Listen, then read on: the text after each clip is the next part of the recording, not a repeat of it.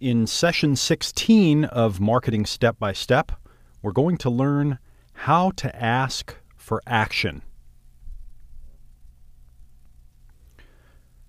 Direct response marketing is about action, it's about response. In order to trigger action and response, you must remove all blocks and impediments.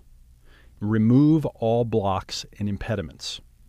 When creating a marketing offer, design it so that it covers all mental and emotional bases and answers all key questions. Okay, so we want to trigger response, we need to remove the blocks, remove the impediments, and design it so it covers all the mental and emotional bases. In other words, we want to tell our entire story. We want to give the prospect everything that they need to know to make a decision.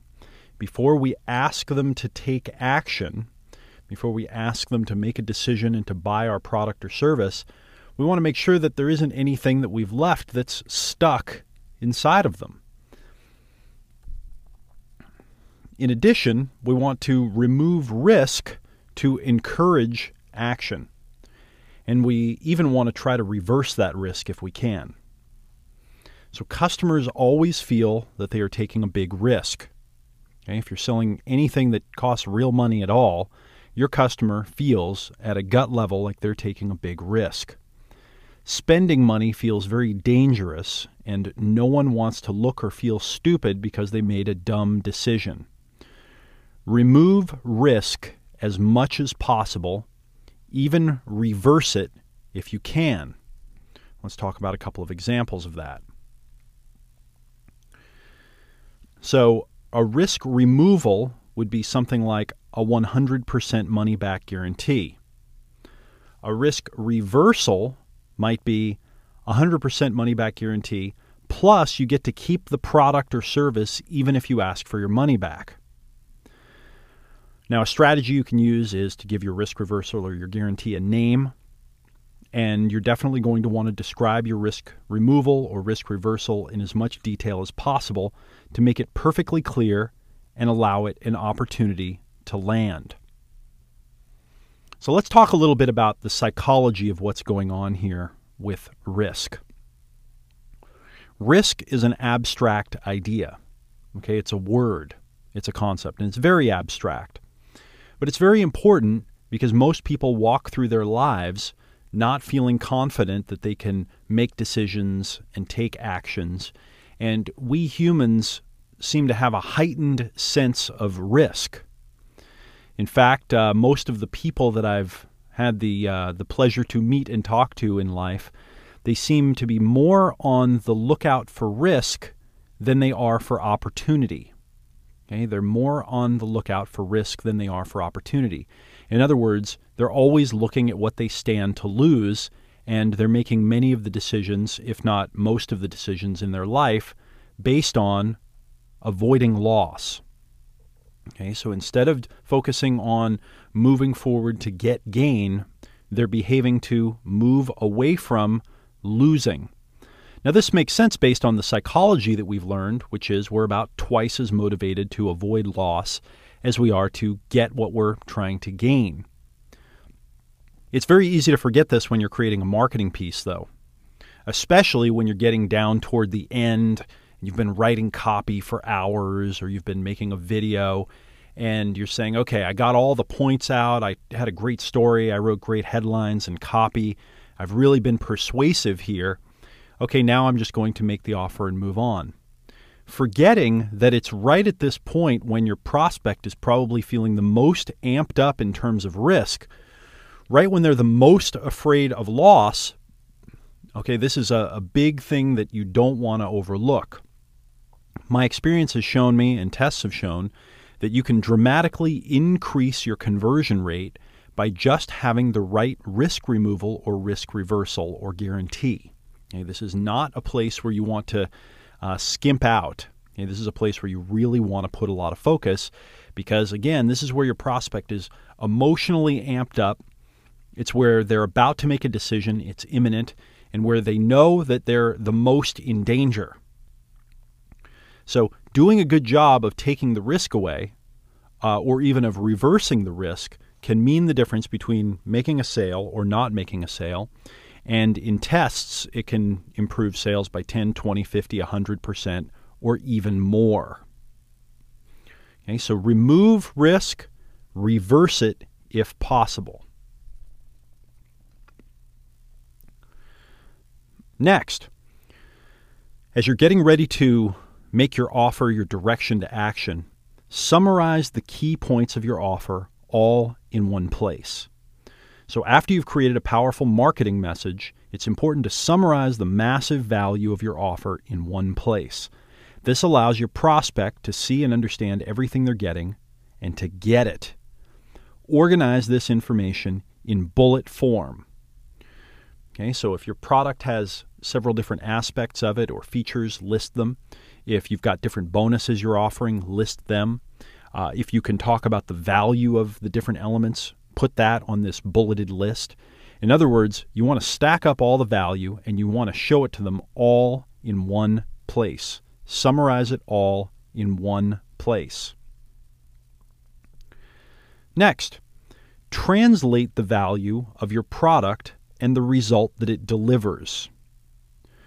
So, as we've learned in uh, marketing psychology, humans aren't very good at comparing and understanding real value of things. Translate the value of your product and the result it delivers in terms that your customer can understand, okay, in terms that they can understand. So, let me give you an example. I have a program called Wake Up Productive that teaches anyone who's interested in learning how to double their productivity in 90 days. Well, as I was writing the sales letter for it and, uh, creating the marketing, I asked myself, how can I translate the value of this program, which costs several hundred dollars, into something that someone can make sense of? Because it's hard to estimate what the value of your time is. So, what I did was I asked, okay, how much does someone that's likely to be watching this video, someone who's likely to be coming to my website, reading the sales letter, uh, someone that's likely to be interested in this program, how much money do they make and how much money would they like to make? You know, what are their aspirations? Uh, are they overwhelmed? I really try to get inside their world. And it turns out that the average income, kind of in first world countries, is somewhere, uh, especially here in America, somewhere in the neighborhood of forty or fifty thousand dollars a year. Okay, so this is twenty to twenty-five dollars per hour. So I said, okay, what makes sense here in terms of uh, money? Okay, well, how about instead of talking about doubling productivity, which you know that you can do the math and say, all right, that's going to uh, that's going to potentially double my income. What about savings? What about saving what you're already losing? So I said, what if going through this program saved you one hour a day that it gave you back? Okay, that you're getting paid $25 for. An hour a day times five days a week is five hours, times 20 days a month is 20 hours. And so I said, if this program only saves you one hour a day, that's $500 a month worth of your time that you will get back. Over a year, that's $6,000, and that's just in the first year. And that's just the time you're getting back. That's not even counting the increase in productivity you're going to have. So there's an example of translating the value, something that I'm charging several hundred dollars for, into real tangible savings of thousands and thousands of dollars. It turns it into a no brainer. So, how can you translate the value of what you're offering into terms your prospect can understand? The best ones are money that's either gained or saved, time that's gained or saved, asking how much it would be worth to prevent a particular problem, okay, or get a result. Whatever it is that you're selling can be translated into terms that your prospect can understand simply and easily, and you need to do it because, again, humans aren't very good at comparing and understanding the value of things. Keep adding value, bonuses, and other incentives to the offer. The more value you add and create, the more motivation you build in your prospect. Continue to stack value, bonuses, and other incentives you offer so it becomes so tempting that your customer can't resist. My uh, good friend Dean Jackson and I, we have this term that we call the clank of value. Imagine that you've got an old set of metal scales, uh, a balance. And on one side of the balance, you have cost and risk. And on the other side of the scales, you have your product or service, the value that you offer. Now, the money, the cost, and the risk is very heavy. Anytime you're asking someone to invest money and time and you know their hard-earned cash and to take a risk doing it where they might look or feel stupid, that's going to be very heavy. And what you want to do metaphorically is keep stacking value on the other side of the scale until it goes clank. Okay, remember it's a metal scale and it's a balance. So when that side gets heavy, it'll clank down on the surface that it's sitting on. You want to have the clank of value. There's so much value there that your prospective customer eventually slaps himself on the head and says, I would have to be stupid if I don't do this, if I at least don't try it out. There's so much value here, there's so little risk, I have to do it. Now, it doesn't occur to most business people, especially most new business owners, to stack more and more and more value on the side of the scale with their product. Okay, we're usually in love with our product or service. We think it's the greatest thing since sliced bread, and we think, why would anyone even need to be convinced to do this? It's so obvious how great it is. Well, not so to your customer because they don't know you. They haven't been there for the years that it took you to develop this thing. They haven't been around through all the trials and tribulations and testing so that you could deliver it to them at this great price. All they see is you want their money. They don't want to make a stupid decision. Uh, but if you keep stacking the value and adding more and more and more value, eventually you get to the point where the customer says, okay, all right, I, I, I, I got to try this thing out. So the clank of value. Keep adding value, bonuses, and other incentives. As is probably obvious by now, I've done a lot of work in the information product industry. One of the great things about information products is you can stack bonuses of information products that don't cost you very much to create. So even if you sell real, lumpy, tangible products. You know, if you sell golf clubs, for instance, you can stack bonuses. You can create a video golf course or interviews with golf pros that is worth hundreds of dollars, and you can offer it as a free bonus. And just offering that golf course, that training program, can make all the difference. It can increase your sales dramatically. Okay, so keep adding value bonuses and other incentives to the offer. Now, when it comes time to ask your customer to buy, you must give them specific directions and ask them to buy. Never assume that your customer will know what to do or how to buy from you. Give detailed, specific directions along with a direct request to buy now. Now, most people are uncomfortable when it comes to money in the first place. Okay, most of us have grown up in homes where money was, you know, a weird topic. There was a lot of conflict, fighting, shame, guilt, embarrassment. Right? There's weirdness around money, and a lot of our parents didn't know how to deal with it, and we wound up kind of getting some of that programming.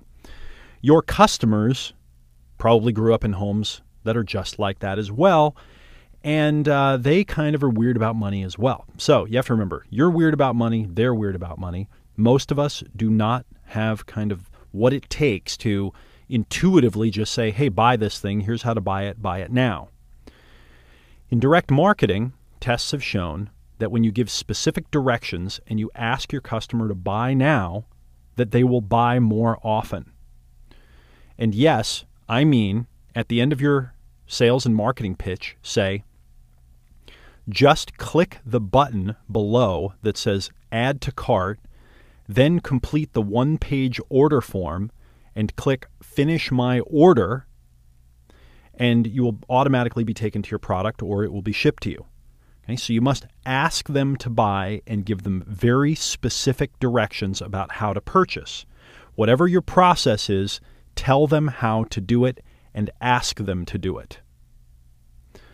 I mentioned uh, my buddy Dean Jackson. he has a, a fun little thought experiment. And he says,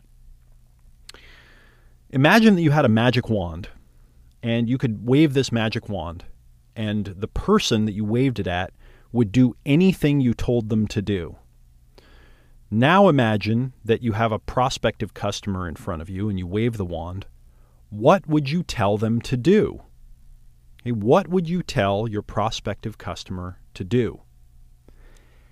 And if you ask business owners this, they will they'll say things like, um, well, I'd ask them to get my product. And that's it.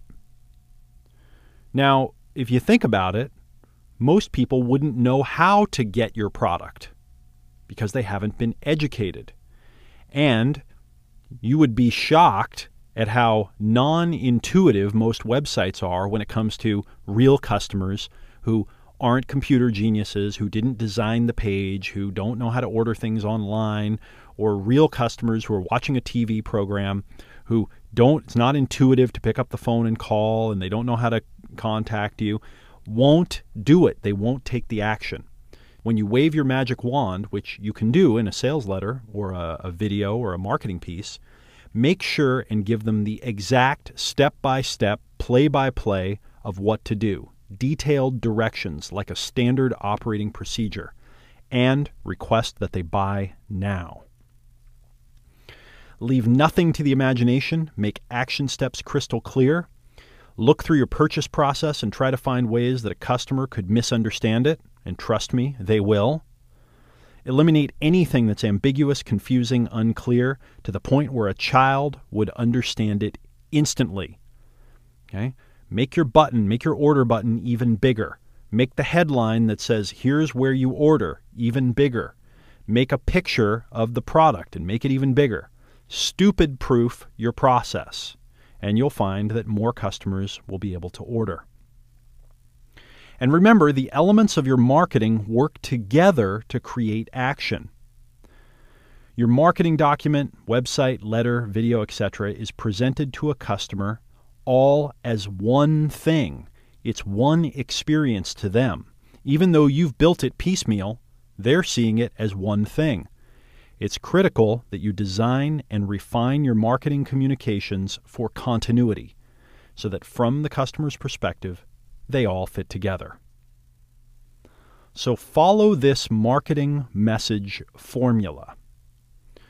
Headline that promises a benefit, set up the problem, the challenge, or the opportunity, tell your story that builds credibility and trust, introduce your solution or result in the form of your product, build value, add bonuses, frame the price, remove the risk, reverse it ideally, summarize your offer all in one place so they can experience the clank of value, and direct to action now.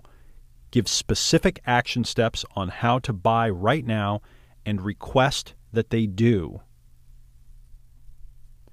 And now let's do an exercise the marketing message formula. Okay, you should be looking at the exercise that says use this marketing message formula to create your marketing pieces. Use this marketing message formula to create your marketing pieces. Create an outline of your marketing message using this formula. Then flesh it out to create your entire advertisement, video, website, or other marketing piece. So, again, number one, headline that promises a big benefit. Number two, set up the problem, the challenge, or the opportunity. Talk about what the challenge is, talk about the opportunity, what the result, the benefit, the outcome is. Get into it. Three, tell the story that builds credibility and trust. In other words, tell your conversion story. Number four, introduce your solution or result in the form of your product. Number five, build value, add bonuses, and then frame your price. Number six, remove the risk. Use a double ironclad guarantee. Reverse the risk if possible. Let them keep something if they ask for their money back. Number seven, summarize your offer. Make a one page list of bullets with all of the value that they get so they can see it in one place And then, number eight, direct to action now.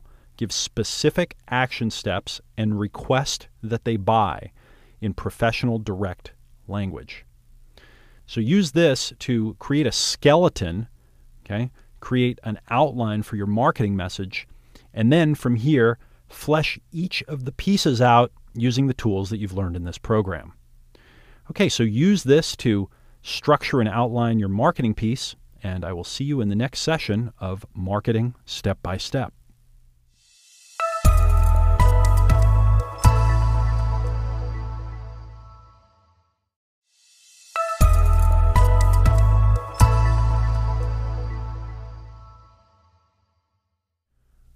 Welcome to Marketing Step by Step, Session 17, the Marketing Design Workshop.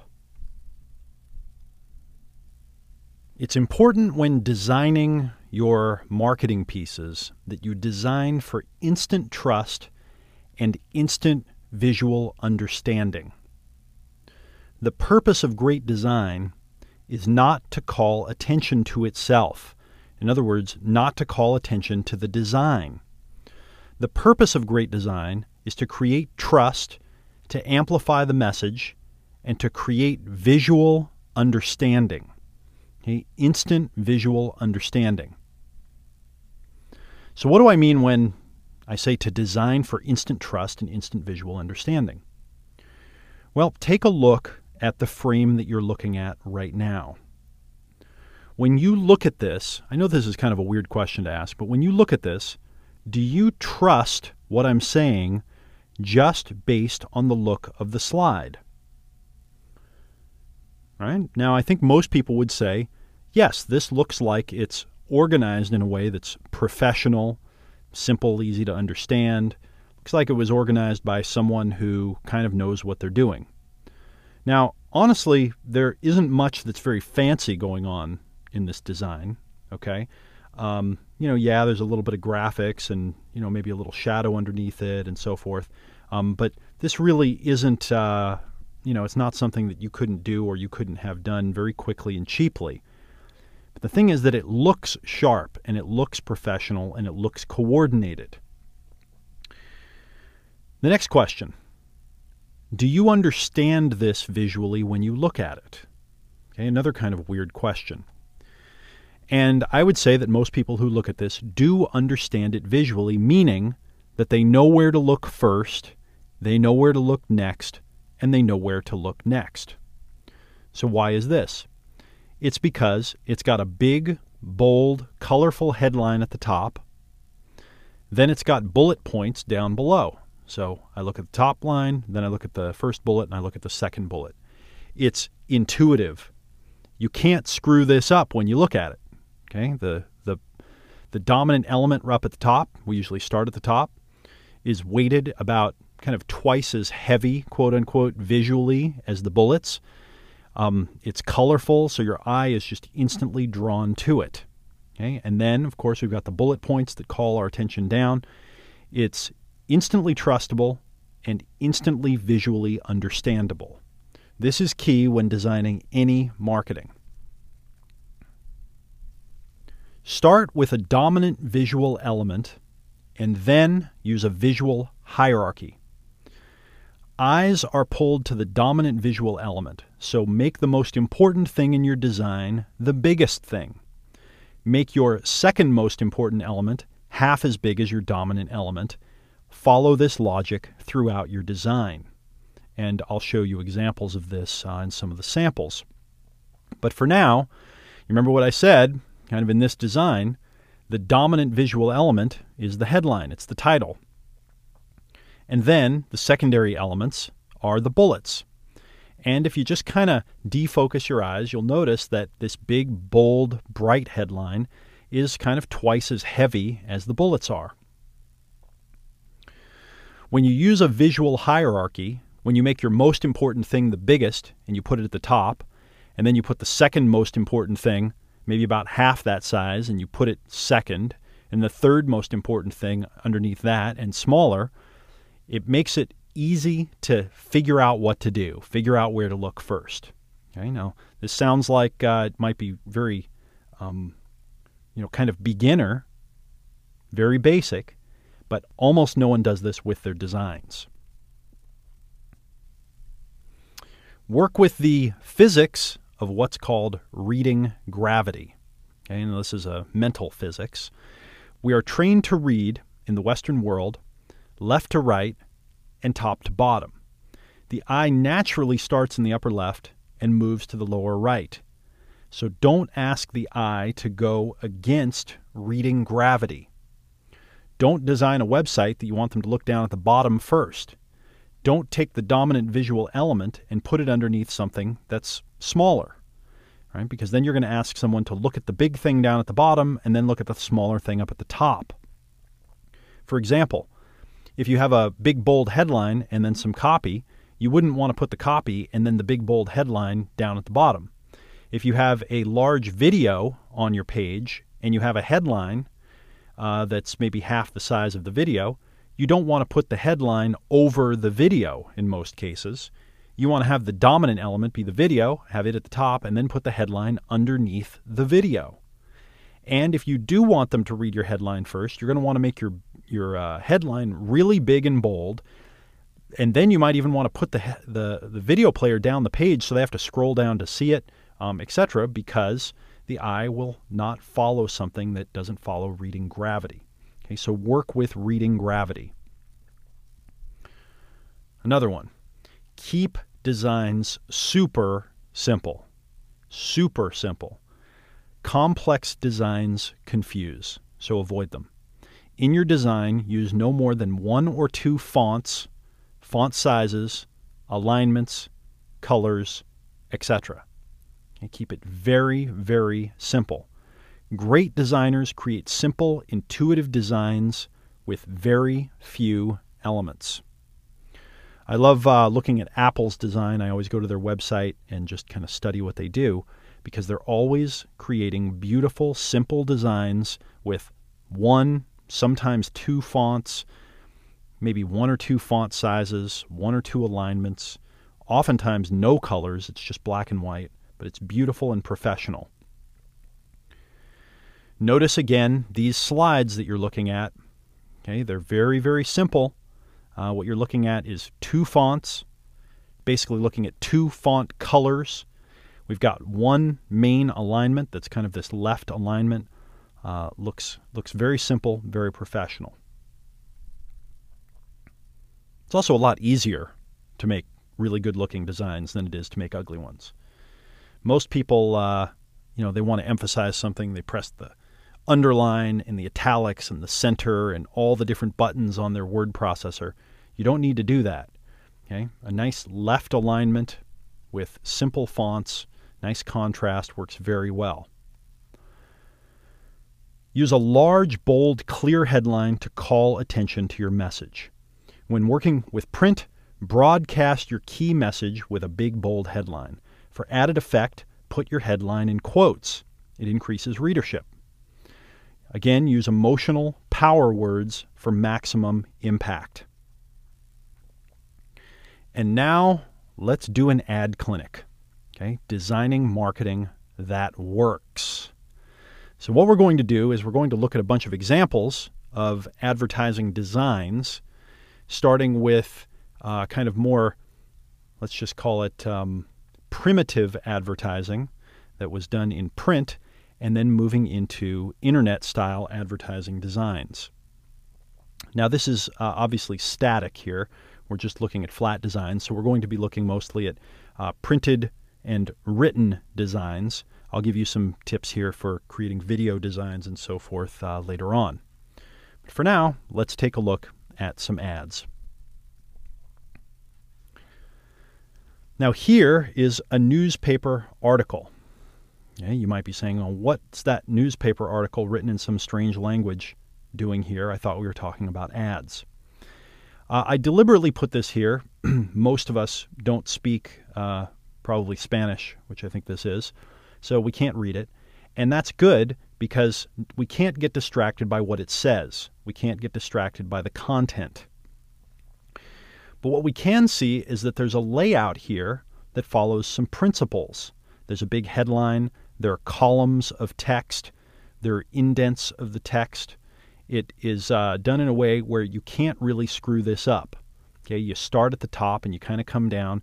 There's that big giant picture there. If I were to design this, the only change that I would make is I'd put the picture up on top because it's the dominant visual element. It's that big, bold element that I'd like to have at the top. And then I would put the headline underneath it and keep all the copy under it. So I would just shift the picture, you know, over to the left and then up one so it's in the upper left. And then I'd rearrange uh, everything to still fit on the page. But again, just that one tweak there to make it even better. Now, this is great design. Okay, this is great design because, again, you can't screw it up. It's intuitive. Is it fancy, beautiful design? Well, no, you're not going to win any art awards for this. But when in doubt, this is a much better design than most ad designs. Here's another article, okay, just out of a random magazine, okay, that shows a typical editorial style article. Let me ask you this question Do you trust this layout? Okay, I know it's a weird question, but do you trust the layout? Most people would say yes. They get a feeling of trust from this, like it's going to offer them value, not, not going to take something away from them. A good typical editorial style layout in a magazine would do that. It gives you that feeling of, oh, this is professional. This is something editorial. This is going to offer me value. Here's another article, another magazine article layout, something very typical. And just notice how you feel when you look at this. Do you trust it? Does it feel like it's going to offer you value and information, or does it feel like it's going to take something away from you? Okay, this is also a beautiful design, very well designed. Now, again, you're not going to win any awards for this, but as far as design goes, this is great, and we could all learn a lot by studying designs like this one. Now, this is a classic design here, and this is where we start to bridge the gap. This is an ad written by David Ogilvy, and it's called How to Create Advertising That Sells. Now, when you first look at this, you won't realize that it's an ad because it looks just like a newspaper article. Okay, big bold headline, four columns of copy, numbered uh, little paragraphs down there. It doesn't feel like it's something that's going to sell you. So you look at it, you go, oh, how to create advertising that sells. I want to learn that. So you start reading it. Defenses go down. There's all kinds of great information in this. It's just jam packed with great marketing tips. And uh, it's moving the free line. Then at the end, uh, it says, hey, you know, if you want more of this good stuff for your business, give us a call.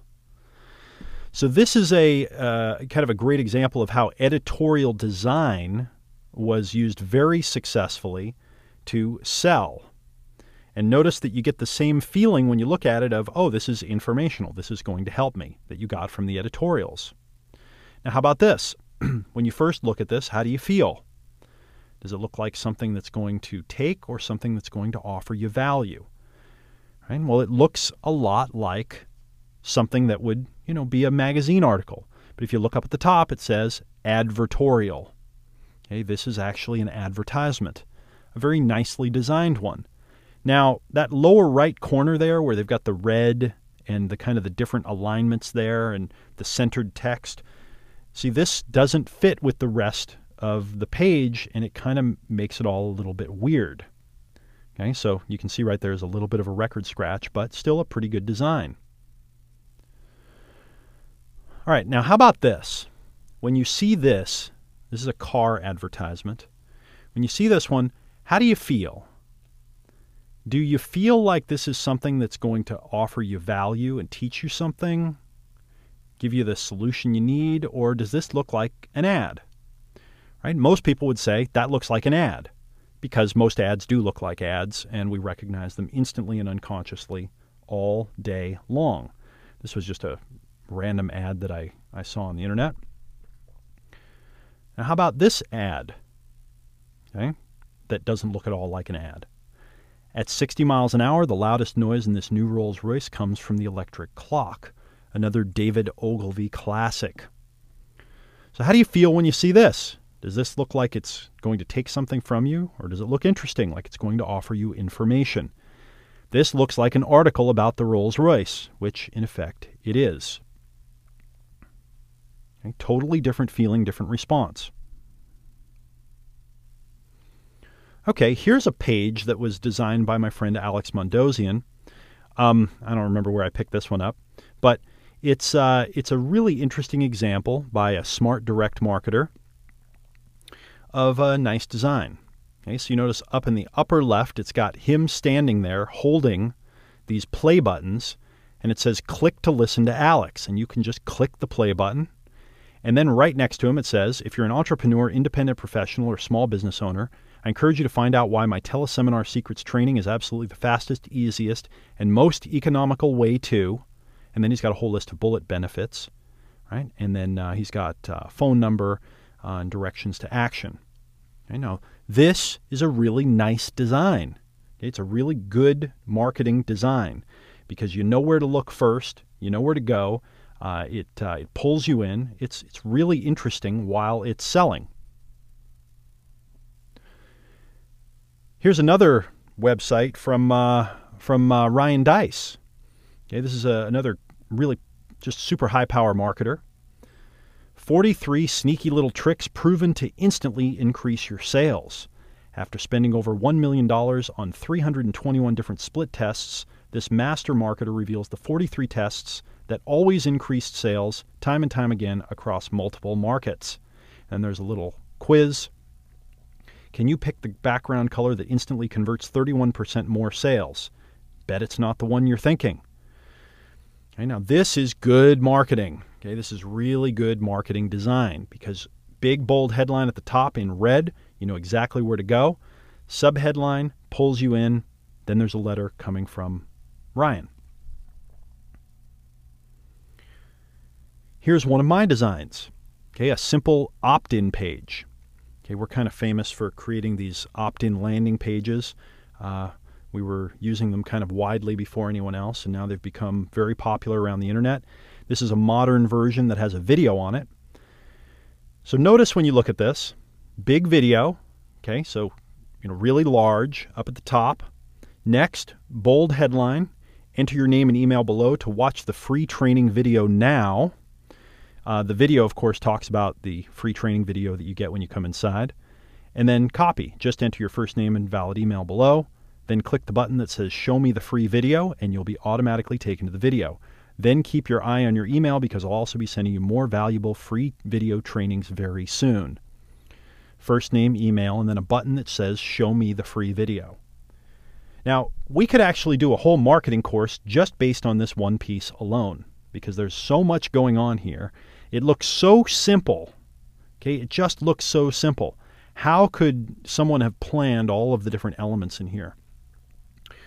Well, if you saw the rest of the marketing sequence that went with it and the emails that were sent and so forth, uh, you'd realize that there is a lot going on. And just from going through this course and then looking at some of the details I pointed out, you can see that there's a lot happening here.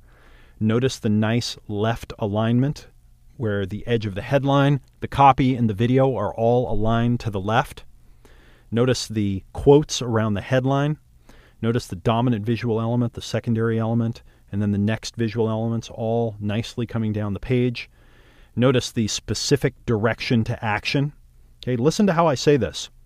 Just enter your first name and valid email below, then click the button that says Show me the free video, and you'll be automatically taken to the video.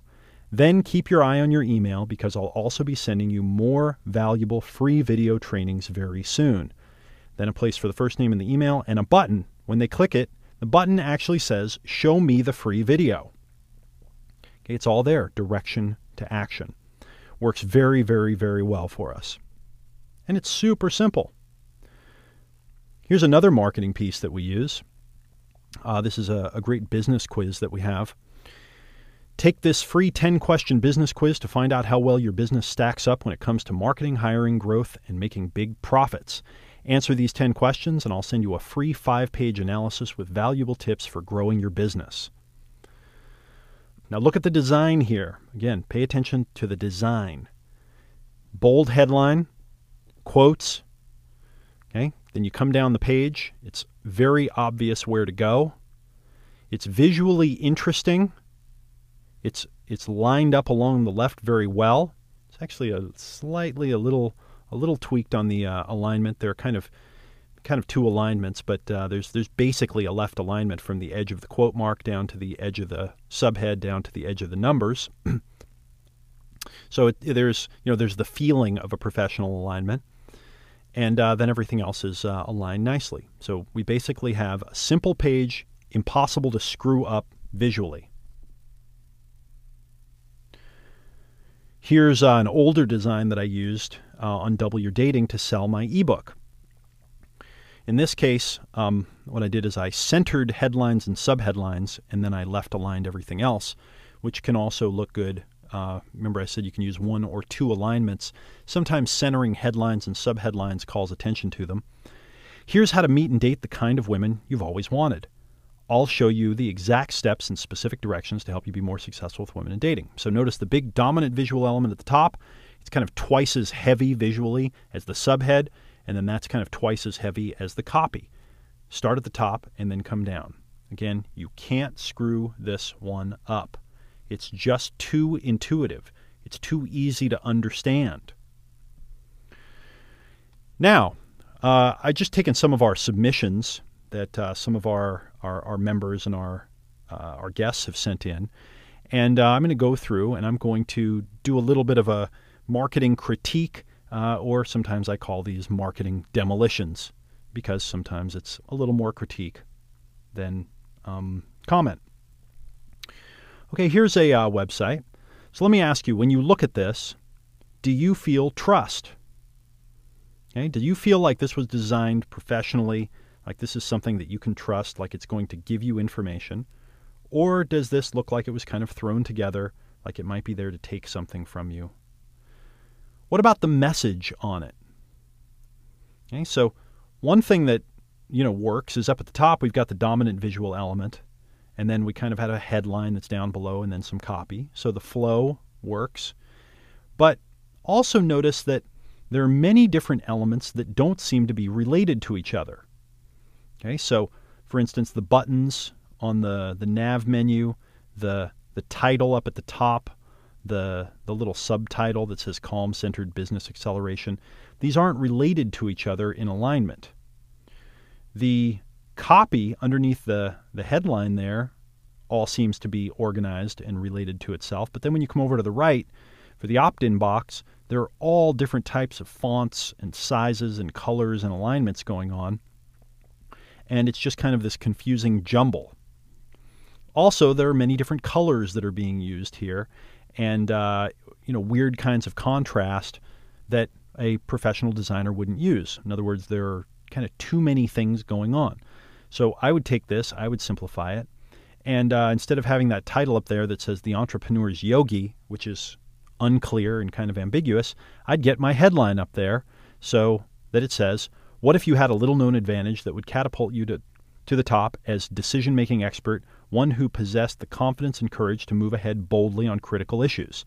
That is way more interesting to a potential prospect than a wave and the entrepreneur's yogi. How about this page? Most budding entrepreneurs fail within the first two years of business, while those who survive struggle to break even later on. Okay, so there are some things that are going on that, that work on this page, and there are some things that are a little little shaky. Headline, nice big bold headline. Okay, the eye gets pulled there. But what about this uh, this kind of banner at the top that says business mindset? Skyrocket your business by developing the proper mindset. And you know, we've got this blue color. It's it's a color and a style that doesn't seem to be related to everything else on the page and you don't know where to go first. Okay, your eye doesn't know whether to go to that top banner because it's at the top or to this headline. Also, marketing wise, when uh, when I read most budding entrepreneurs fail within the first two years of business, while those who survive struggle to break even later on. I don't have a promise of something I'm going to learn here. That isn't telling me that I'm going to get some benefit. It doesn't say that you're going to teach me how to avoid that or how to solve it. It just kind of gives a statement of fact. If it talked about how to avoid failing, or how to make more money, or how to advertise better, or tips for growing my business, well, that might make a little bit more sense. But here, it's just a statement of fact, and it's not something that's going to pull me in because it's not talking to me directly. It's not talking to me as an individual. Here's another website. When you look at this, what's your feeling? Does this feel professional? Does it feel unprofessional? Does it feel like it's going to take something? Do you trust it? This one has a certain professional quality to it. Okay, obviously designed by someone that was paying attention to the details and so forth. Um, but also, there's kind of a lot going on. Okay, there are a lot of different elements that are pulling my eye. Obviously, right in the center there, kind of up higher, there's the picture of uh, Jill. So you want to look at her, and she's smiling. But then you don't know where to go next because you started in the middle. Do you look over to the right where it says Win an iPad, or do you look up at the top that says Complex Family Foundation? Uh, you know, where, where do you go? What do you do? Okay, so this isn't organized into a nice, simple hierarchy from dominant element, secondary element, uh, to each of the elements below. Here's another one. Okay, so what's the first thing you look at? Well, you look at this uh, strapping gentleman who is probably named Chris Jameson, and it's got his name there and it looks really super cool and science fiction. Uh, and it says bridging the gap in network marketing. You know, I would ask if let's say I'm someone who needs the the gap bridged in network marketing, is a picture of Chris and uh, you know the fancy graphics. Is that going to be the thing that's going to make me believe that this is where the gap gets bridged?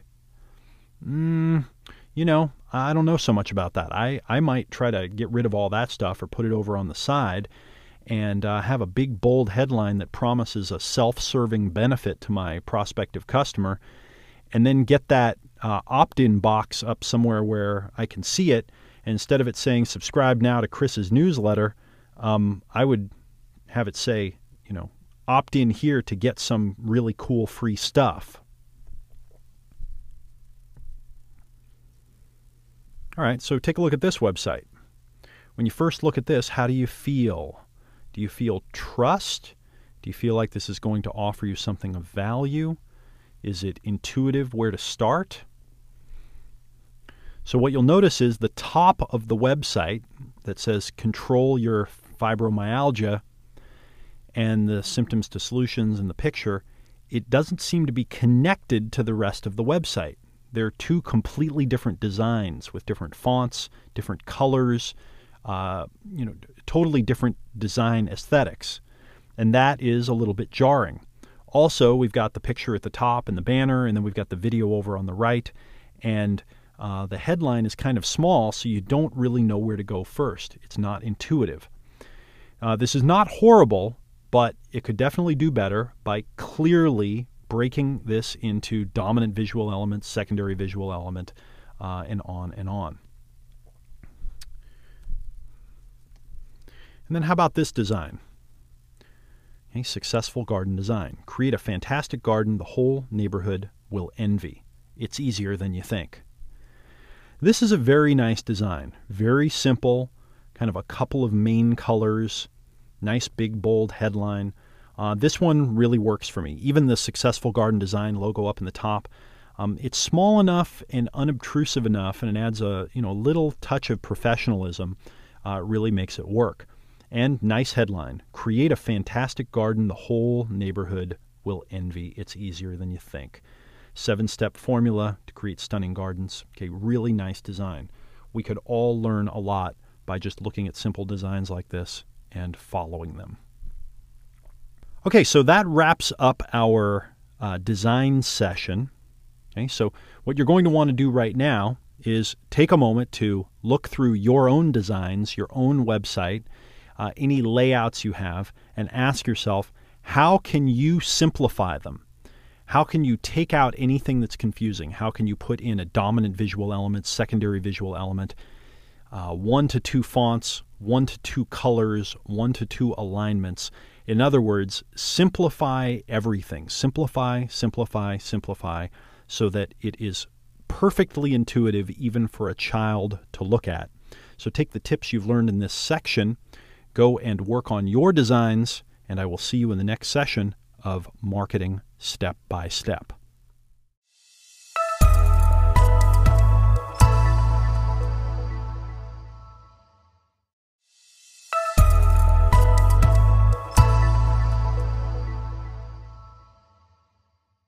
Welcome to Marketing Step by Step, Session 18 Partnering with Others to Sell Your Products. Partnering with others gives you massive leverage. The bottom line is that there are many businesses that have already invested time, energy, and money to find your customer. By partnering with these companies and getting access to their customers, you can leapfrog the marketing process.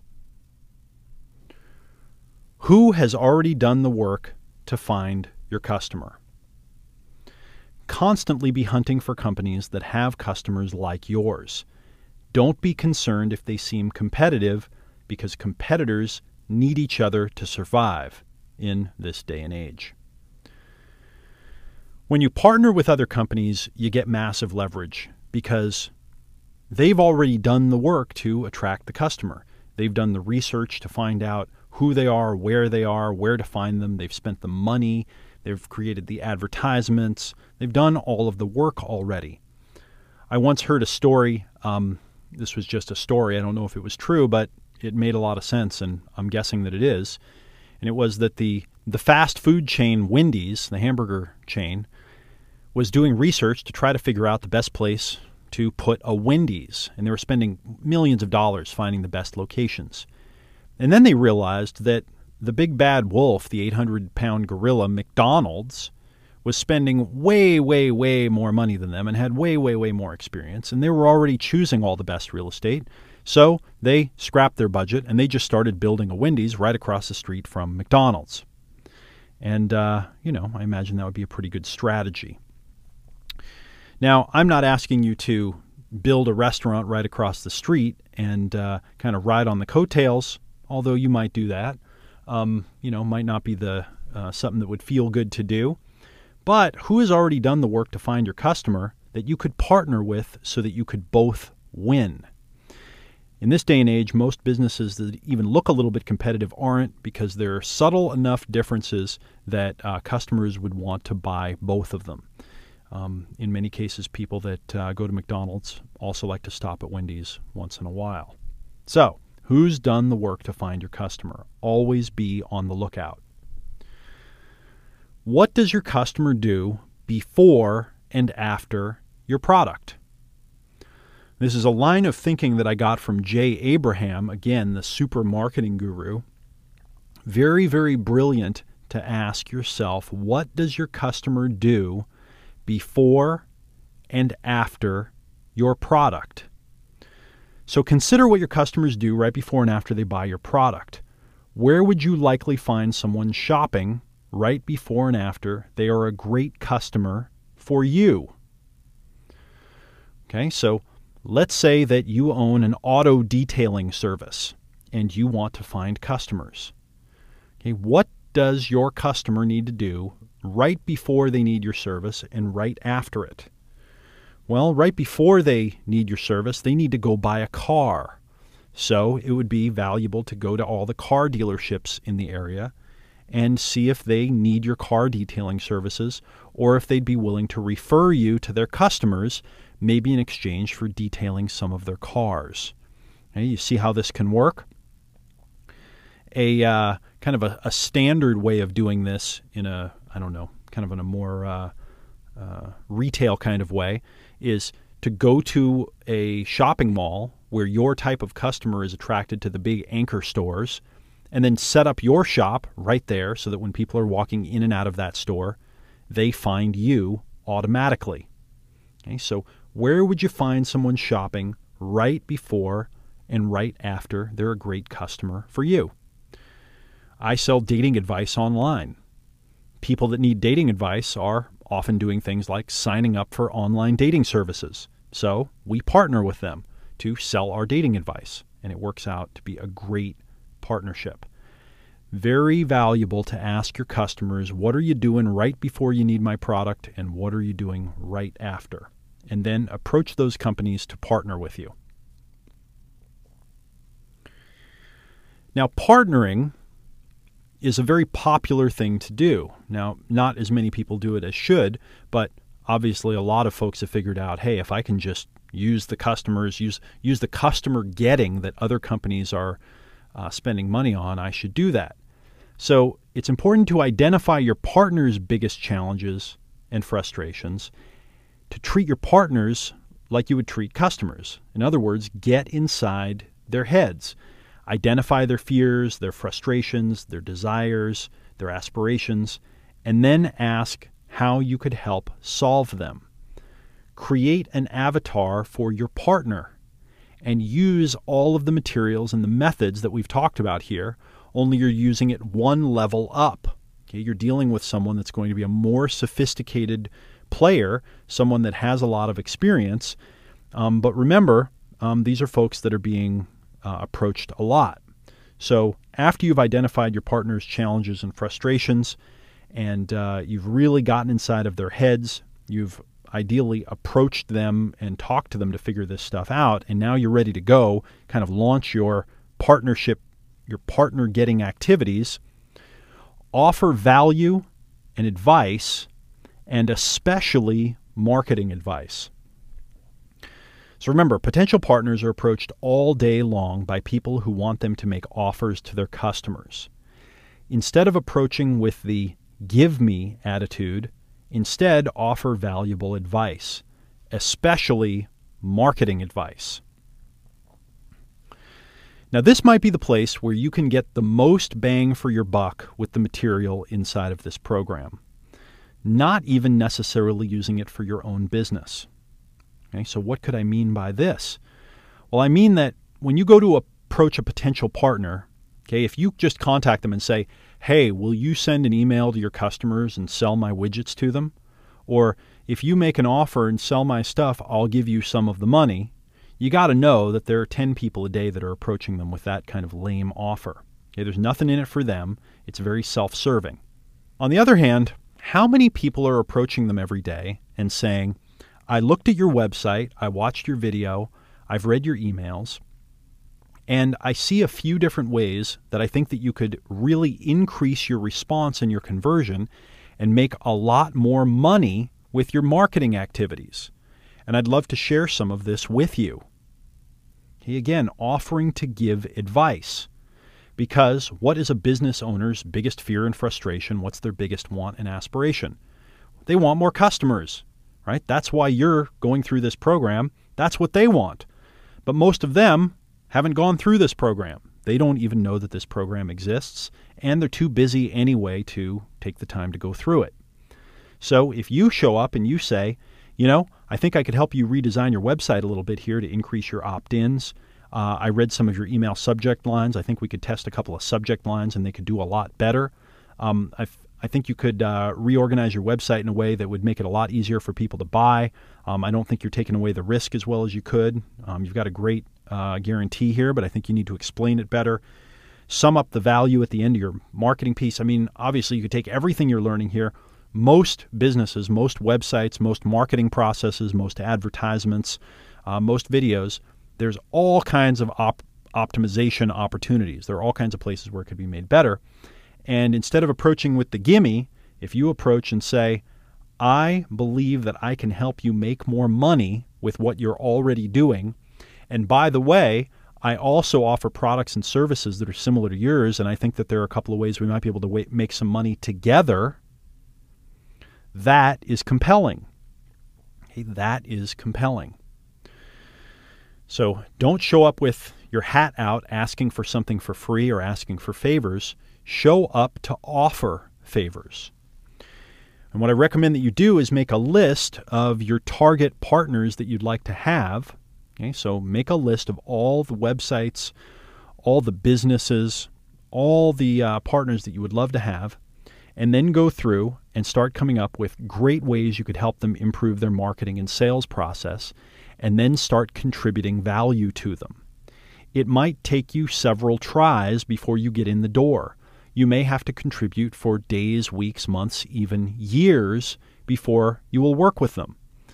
I have personally uh, had situations where I've helped others, added value to them for years, just adding value for an opportunity someday in the future to uh, to work with them in some partnership.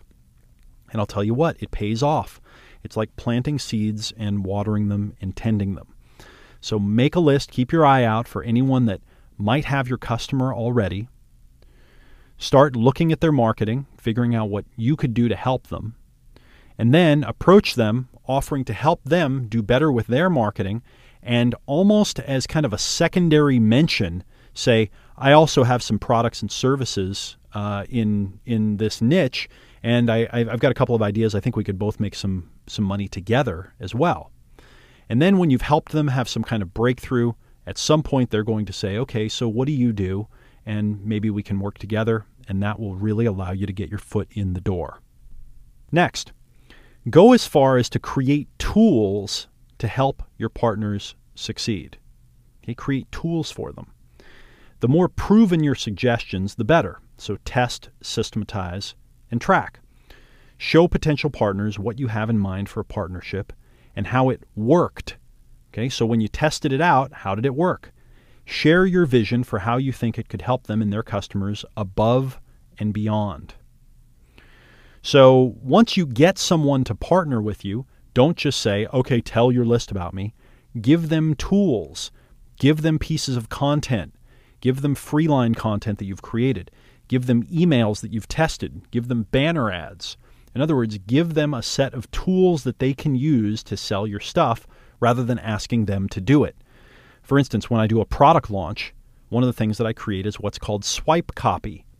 This means copy that I pre write for my partners to send to their lists. Now, many of the partners, they rewrite it in their own voice, but they use it as the foundation for what they write. Many of them just take it and load it up and send it out to their list as is because I wrote it, and you know what? It's probably not too bad if I wrote it. So give them the tools that they need. Take the ball as far down the field as you possibly can. Also, show partners what you have in mind. If you've had partnerships with others or you've created tools, uh, if you have data and you can show them how it worked, all the better. And ultimately, have some kind of added value. Okay, instead of saying, hey, just sell my stuff to the list, say, I've got a one hour training that I do that I think your customers would really like.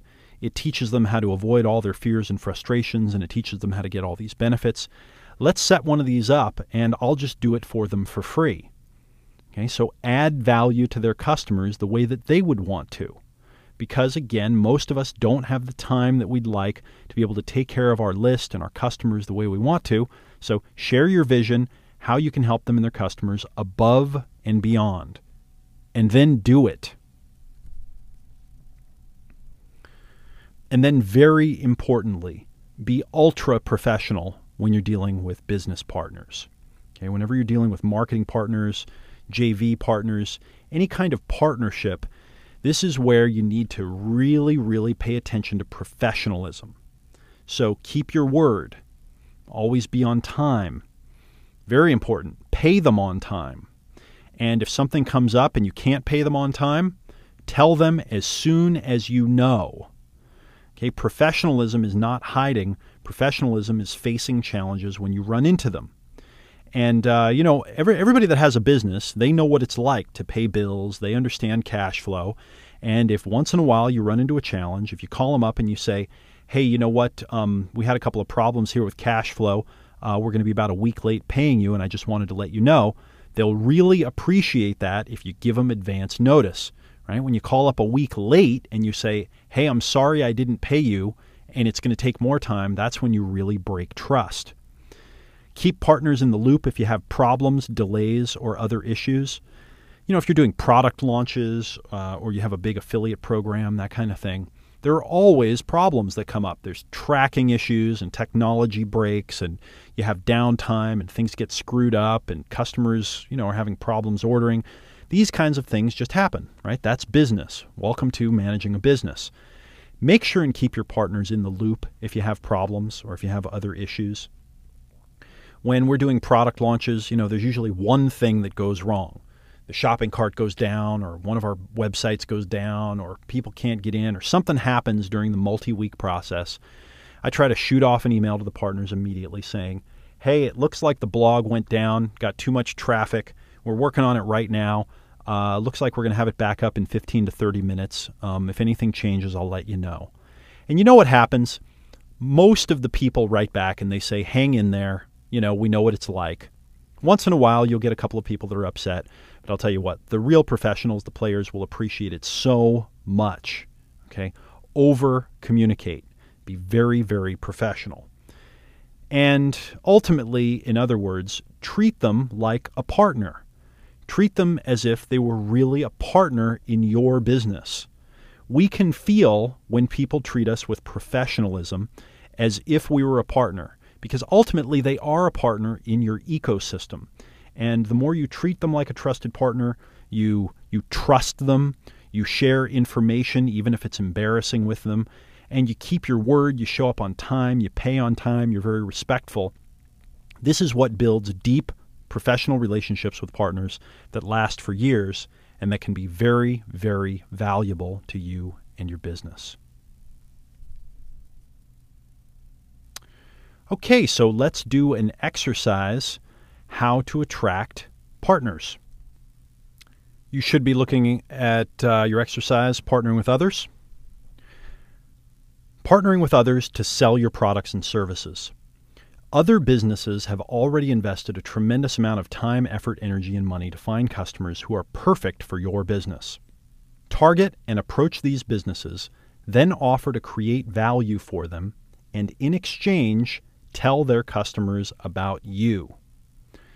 So, first, what does a customer have to do both before and after they buy your product? This is a good clue to find partners. Who would be likely to have your customer already? What business would be likely to already have your customer? What can you offer these partners or these potential partners to help them with their marketing efforts? What could you contribute to them? So do this exercise. Keep your eye out for great potential partners, and I will see you in the next session of Marketing Step by Step.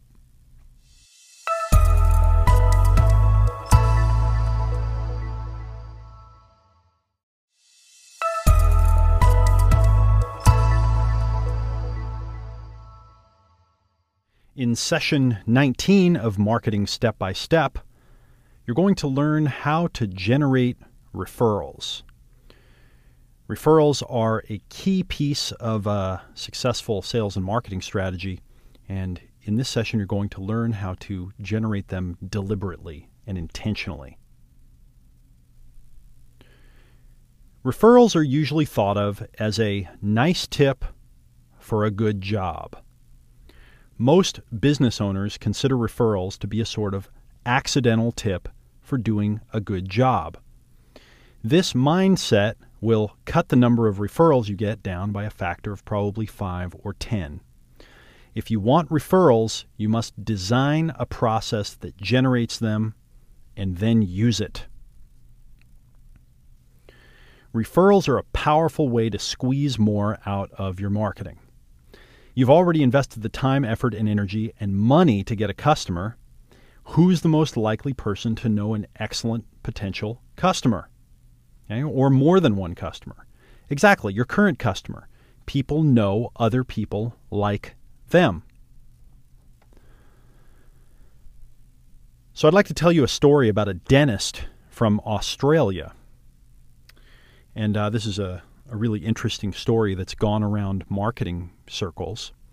And it goes like this Paddy Lund was a dentist in Australia. And if uh, you know the dental industry, then you know that dentists have a very high suicide rate.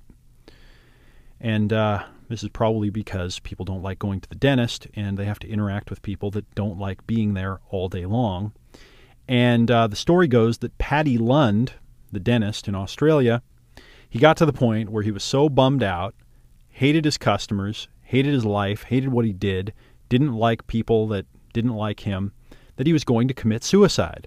And apparently he had the gun and everything and was getting ready to shoot himself when he said, You know what? Maybe instead of shooting myself, I'll try something different. I'll take another crack at this. So he closed his dental practice and completely remodeled it. And he fired all of his customers. Okay? So he got rid of everything he didn't like. He took his dental practice and instead of having it be, you know, a sterile uh, hospital or, uh, you know, kind of medical office appearance that smelled like a medical office, he decorated it like a living room and he put in a comfortable couch and a fireplace.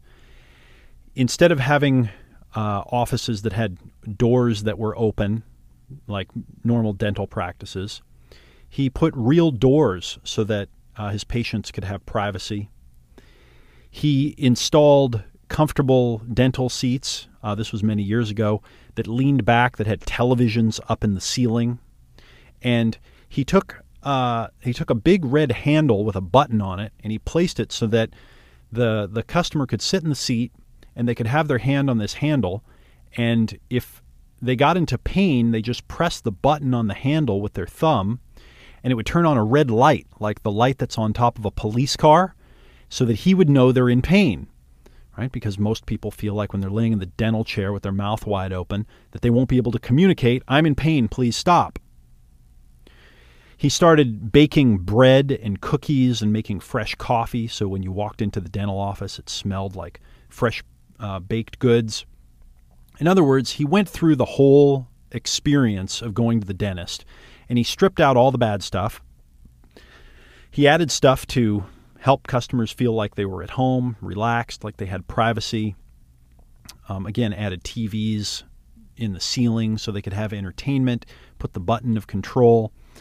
Then he went back through his customer list and he fired everybody and he invited in only those customers that he really liked, okay, the ones that he really liked working with.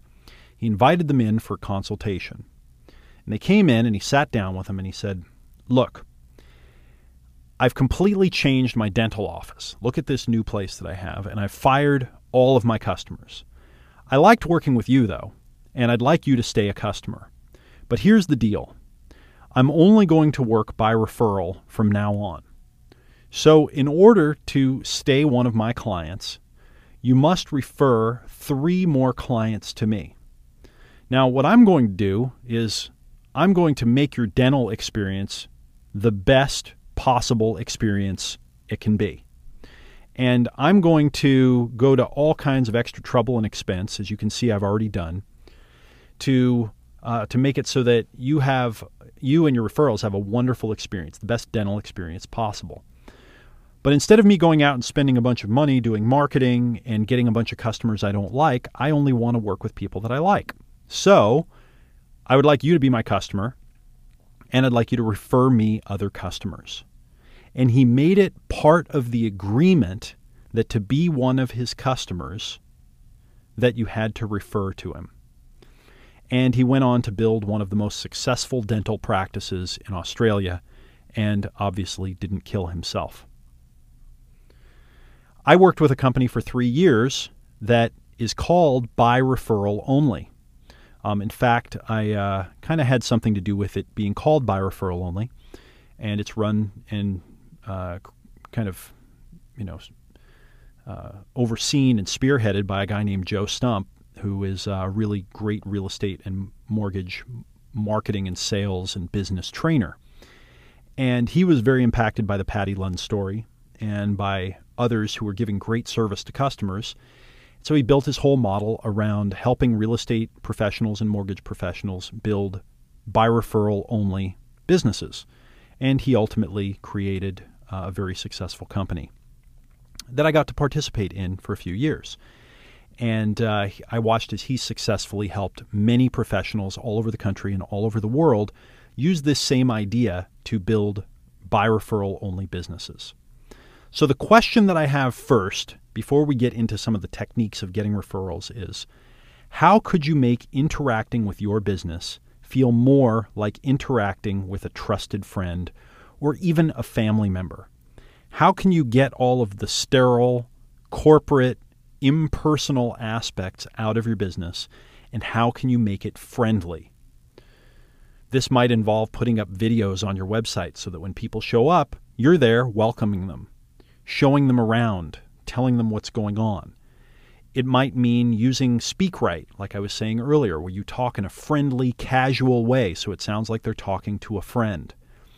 It might mean taking off, you know, all of the the corporate logos or really downplaying them so that it doesn't feel like you're dealing with a corporation, but instead feels like you're dealing with a friend.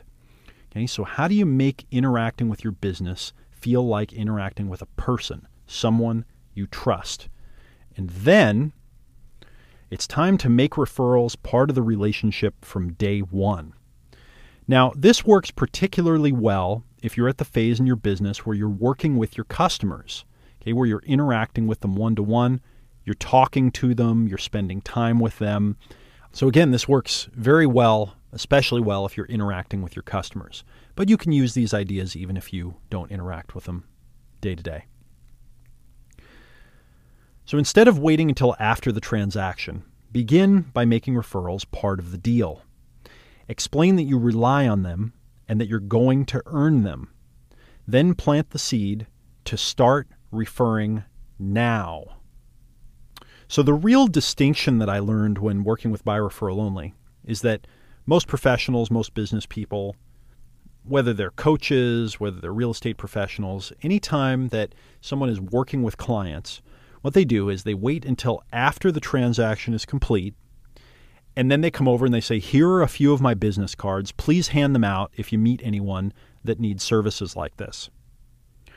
Okay, now this is wasting most of your referral opportunities. Again, the big distinction I learned is make referrals part of the deal from the beginning. In other words, use what Paddy Lund innovated and sit down with your clients and say, right from the beginning, I rely on referrals for my business. Okay, instead of spending all my time out trying to get new customers, I try to really take great care of my customers and do the best job at what I do, offering you great service, value, innovation, just really taking great care of you. Now, what that means is that when I'm working with you, I'm going to expect you to refer anyone you meet who needs services like mine. Now, of course, I'm going to do a great job and I'm going to help you get a great result. But what I'd like you to do now is now that you're going through this particular part of your life, you're going to notice people all around you that need the service that I offer because you're doing this thing in your life, you're making this change, you're using this service, you're buying this product. Now you're going to be talking about it, you're going to be interacting with others.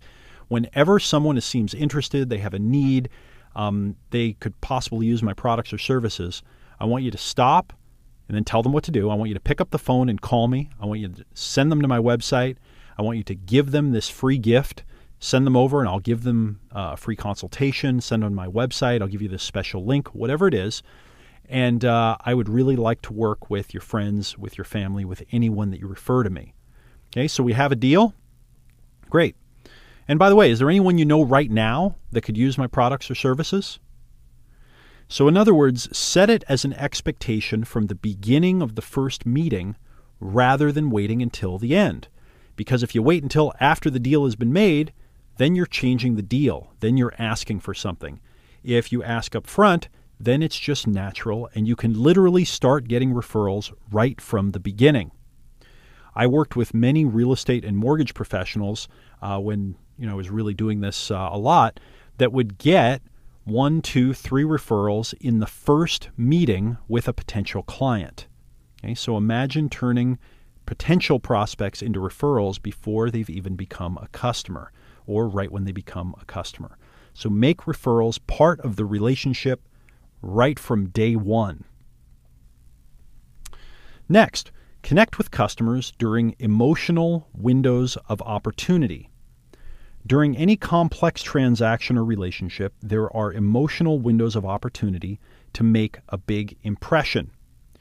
Contact, call, visit, and offer something memorable if you can. So, again, in the real estate and mortgage industry, these are more complex transactions than, uh, than average businesses. but you can probably relate something to this. Your customer is dealing with various things that they're kind of waiting for, they're on the edge about. There's a lot of anticipation, fear, anxiety. For example, in a real estate transaction, a potential purchaser uh, will make an offer on a home and they're waiting to hear if it was accepted. They'll go into the mortgage lender and they'll sign a loan application and they want to know if they're approved. The transaction will be in escrow and they want to know when it closes. All of these are sitting on the edge of their seat. They're waiting. It's a huge, like, emotions are, are really high. They're all freaked out. They don't know whether it's going to happen or not. Their life's in limbo. Whenever one of these emotional windows of opportunity is open, make a big impression. So, again, back to the real estate and mortgage example. Uh, if you're a real estate or a real estate professional or mortgage professional, you might want to show up at the office of your client. Of course, you would have asked them in the beginning, is it okay if I stop by your office and uh, get their address, you know, in case you need to stop by? Show up with uh, some balloons and a basket with some cookies and say, Congratulations, your loan was approved or congratulations, your offer was accepted by the seller. And celebrate.